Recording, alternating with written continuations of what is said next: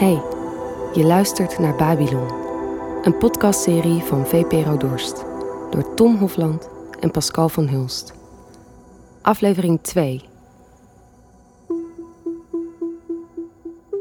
Ik word wakker en uh, ik uh, ben het eer, eigenlijk eerst even vergeten.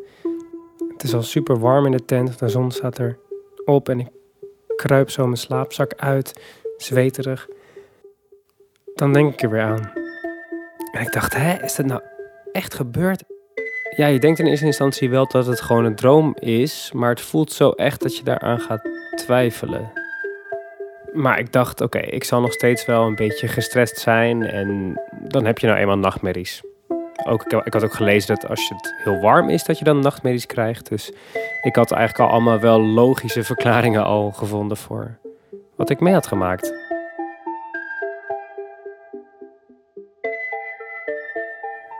Uh, al vrij snel na mijn ontbijtje denk ik weer aan haar. Dat mooie meisje van gisteren. Ik denk dat veel mensen het wel of weten omdat ze zelf verliefd zijn geweest, of het in films hebben gezien, maar dat hele uh, gevoel van ik moet iets doen. Je krijgt energie in je hele lichaam. Je wil naar iemand toe. Je wil iemand zien. En alleen dan pas kan je rust vinden of zo. Zo dat gevoel had ik heel erg. Ik dacht, ik moet er zien. Dus ik in mijn zwembroekje naar dat meer.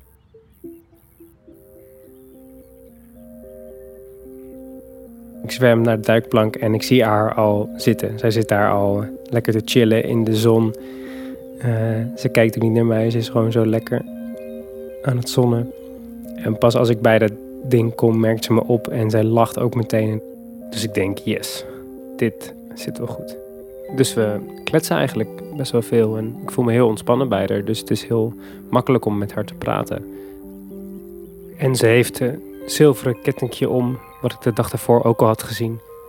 En zit ze steeds mee te spelen, dat zilveren kettingje om haar nek. Ze luistert zo goed, dat, dat had ik nooit, nog nooit zo echt meegemaakt. Dat iemand echt zo, echt gefocust is op jou de hele tijd. Ja, het is natuurlijk ook het begin van liefde, weet je wel. Dan zie je niks anders dan diegene. Nu ga ik ervan uit dat ze verliefd op me was, maar toch. Haar haren nat over haar schouders. Keek ze naar me.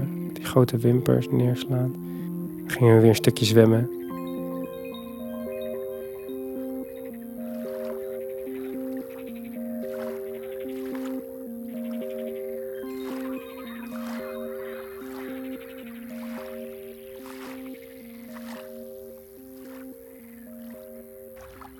Toen vertelde ik dus over die jongetjes die ik die dag daarvoor had gesproken, over die bij de Karpers, dat dat huis mij was opgevallen aan de overkant. Wat er nu ook heel mooi bij stond in dat in het prachtige zonlicht. En toen ik over dat huis was begonnen, deed ze een beetje huiverig. Ze werd wat stiller. Dus ik zei, oh, wil je terug anders naar het strandje? En toen zei ze, nee, laten we naar dat huis toe gaan. En ze was echt vastberaden en ik had daar eigenlijk niet zo heel veel zin in, want het was best wel ver zwemmen. En het was ook een eng oud huis. Maar ze wou echt graag. Dus ik dacht, ja, oké, het zal wel. Met z'n tweetjes vonden we naar, naar de andere kant van het meer. En het was nog groter dan ik dacht eigenlijk, dat huis. En het was ook een stuk ouder dan ik dacht. Het was best wel in slechte staat eigenlijk, wat je op een afstandje niet ziet. Maar het was best wel, de planken waren een beetje rot en had dringend een nieuw verflaagje nodig. Er was al lang niks meer mee gebeurd, dat kon je duidelijk zien. Na zo'n minuut of tien zwemmen klom ik uit het water en ik hielp haar eruit. En ze was zo stil, ze zei niks, maar ik dacht, ze zal wel zenuwachtig zijn of zo. Het was super duidelijk dat daar niemand woonde, want het, het was heel leeg en kaal en lelijk.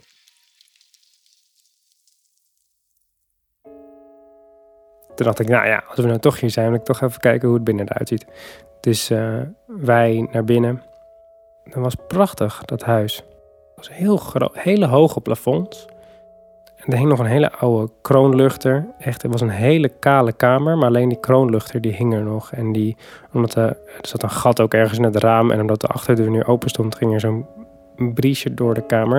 En daardoor hoorde je die zo rinkelen. En dat was echt te gek. Je had in die, in die keuken had je van die lades. Zoals elke keuken lades heeft. En die knoppen van die lades waren gemaakt van geitenhoefjes. echt, eh, echt klassiek. En uh, liepen we verder naar de voorkant van het huis. En was een best wel grote woonkamer met hele grote ramen. Zo keek je uit over dat meer. En dan zag je dat plateau dus ook in het midden. En daar lag een groot bruin oud koeienlederen tapijt, weet je wel. Zo met van die slijtplekken erop lag daar zo midden in die kamer. Ik was daarna aan het kijken naar alles en ik was alleen maar bezig met... oh, dit huis is prachtig, ik wil later ook zo'n soort huis. Weet je wel, waarom hebben we niet meer van dit soort panden ook in Nederland? Want terwijl ik alleen maar bezig was met die banale, architecturale aspecten van het huis... zie ik ineens dat zij haar bikini heeft uitgedaan.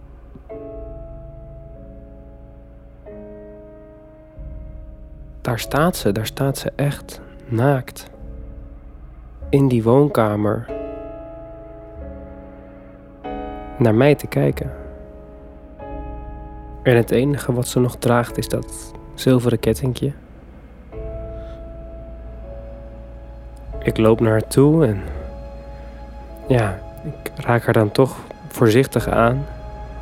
Ze is koud. Handen trilden. Ze heeft kippenvel en ik kus haar. Ik ben aan de ene kant heel gelukkig en aan de andere kant weet ik dat zij een vriendje heeft. Maar dat kan je vreemd genoeg best snel uitzetten in zo'n situatie.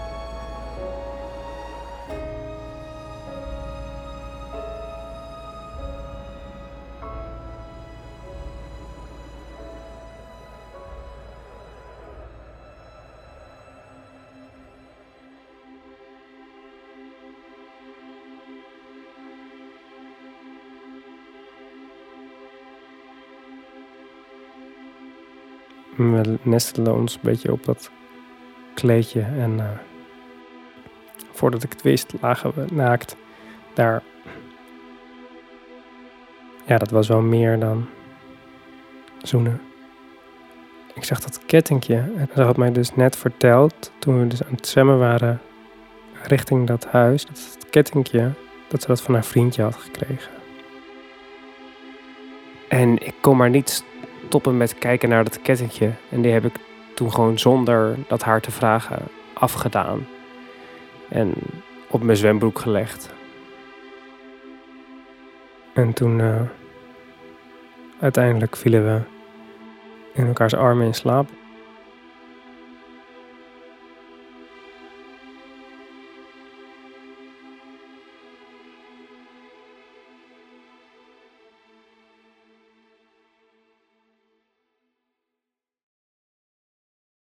En ik word wakker.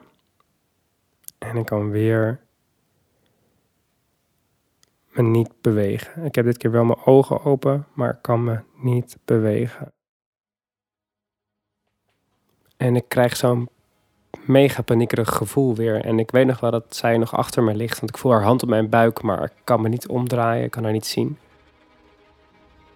Ik ben gewoon weer zo bang dat ik erin blijf zitten of dat ik weer iets ga voelen of dat er weer iets gaat komen. En ik denk terug aan dat verhaal van die kinderen en dat er dus over dat, domme verhaal over die monster zonder oogleden en hoe dom het ook is, maar ik word daar, de, die paniek die gaat echt in mijn borst en ik voel dat er iets op mij afkomt in dat huis en ik ruik ineens weer die, die penetrante lucht van die algen, die rotte, stinkende lucht, die proef in mijn mond en die prikt in mijn neus.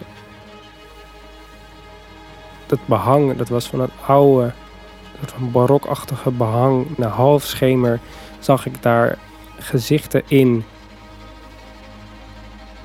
Omdat ik het al zo vaak heb gehad, denk ik: oké, het is een droom. En dan schrik ik wakker en ik zit daar in het halfschemer van, die, van dat huis en ik kijk om me heen en ik zie niks en ik zie niemand, ook haar niet. Ik ben dus uh, alleen en het is schemerig. Dus het moet al laat zijn. Ik moet lang geslapen hebben. En zij is er niet meer. Ik ben alleen in dat huis.